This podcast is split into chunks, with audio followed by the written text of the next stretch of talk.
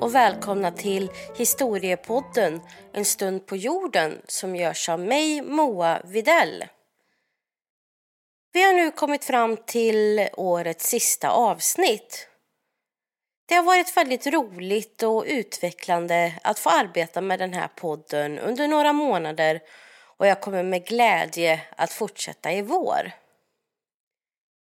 I vår kan ni bland annat se fram emot avsnitten Dragkampen om Maria Magdalena, Om kriget hade kommit, Sveriges taktiska försvar under kalla kriget, John Lennon, mannen bakom musiken med en specialgäst, Svenskarna som stred i spanska inbördeskriget och mycket mera.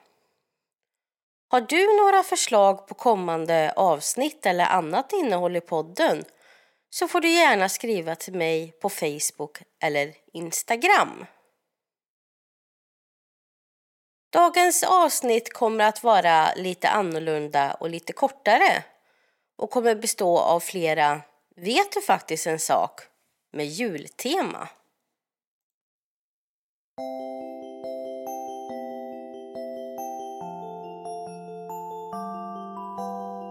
Den nordeuropeiska seden med ljus i granen härstammar från tron på att de skyddade skogsmarkens ande när andra träd tappade löven under vintern. En konstgjord spindel med nät förekommer ofta i ukrainska julgransdekorationer. Ett spindelnät som hittas på julaftons morgon tros bringa lycka. Grekerna använder traditionellt sett inte julgranar. Julgranar är ätbara. Och många delar av granar och tallar kan ätas. Barren innehåller mycket C-vitamin. Kottar de innehåller också mycket näring. Elektriska julgransljus användes för första gången år 1895. Uppfinnaren var amerikanen Ralph E. Morris. Den kanadensiska provinsen Nova Scotia är världens största exportör av hummer, vilda blåbär och julgranar.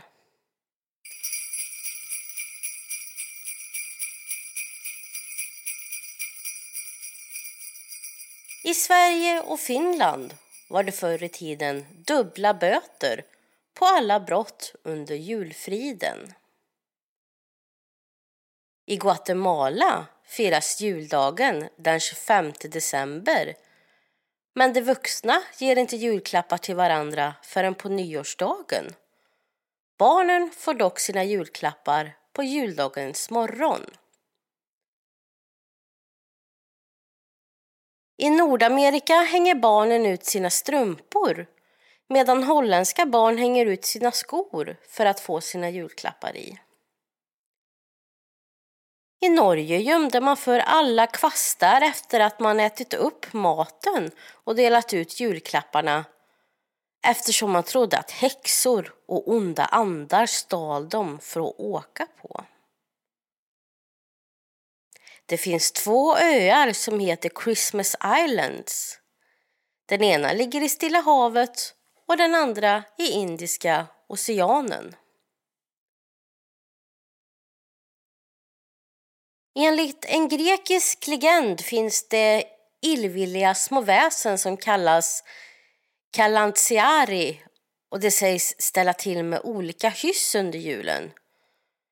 För att bli av med dem ska man bränna antingen salt eller en gammal sko vars stanks sägs få dem på flykt. Andra metoder inkluderar att hänga en gris käkben vid dörren och elda så mycket att de inte kommer in genom skorstenen. I Armenien består en traditionell julaftonsmåltid av stekt fisk, sallad och spenat. Måltiden äts efter julaftonsgudstjänsten till åminnelse av Marias middagsmål dagen före Jesu födelse. I Storbritannien har man ätit julpajer sedan 1700-talet. Att äta en paj på var och en av julens tolv dagar sägs bringa lycka under kommande tolv års månader. 1996 förbjöds julkörer, alltså Christmas caroling, i två stora shoppingcenter i Florida efter att handlare och shoppare klagat på att julkörerna varit för högljudda och tagit för mycket plats.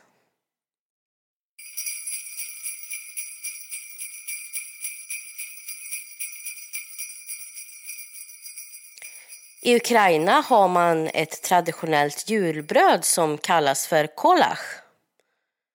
Man lägger brödet i mitten av bordet. Brödet flätas till en ring och tre sådana bröd läggs ovanpå varandra med ett ljus i mitten på det översta brödet. De tre ringarna symboliserar treenigheten. I viktorianska England var kalkon ett populärt inslag på julen. En del kalkoner föddes upp i Norfolk och tog till marknaden i London. För att skydda deras fötter från den frusna leran försåg man dem med små stövlar av väv eller läder. Gässen däremot fick inga stövlar utan deras fötter skyddades med ett lager kära. Det uppskattas att ungefär 400 000 människor varje år blir sjuka efter att ha ätit gammal julmat. Oj då. Julen är den tid på året då det köps mest diamanter.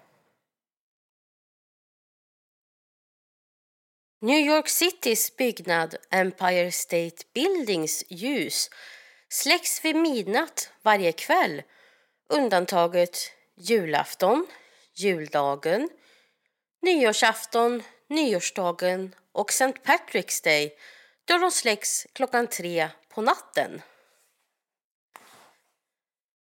Det första julkortet skapades i England den 9 december 1842.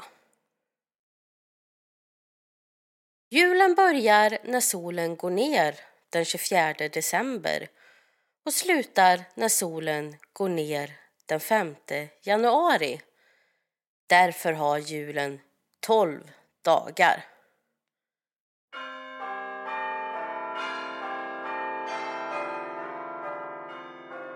Tack för att ni har lyssnat på veckans avsnitt. Jag vill önska er alla en god jul och ett gott nytt år. Och jag hoppas att vi hörs snart igen.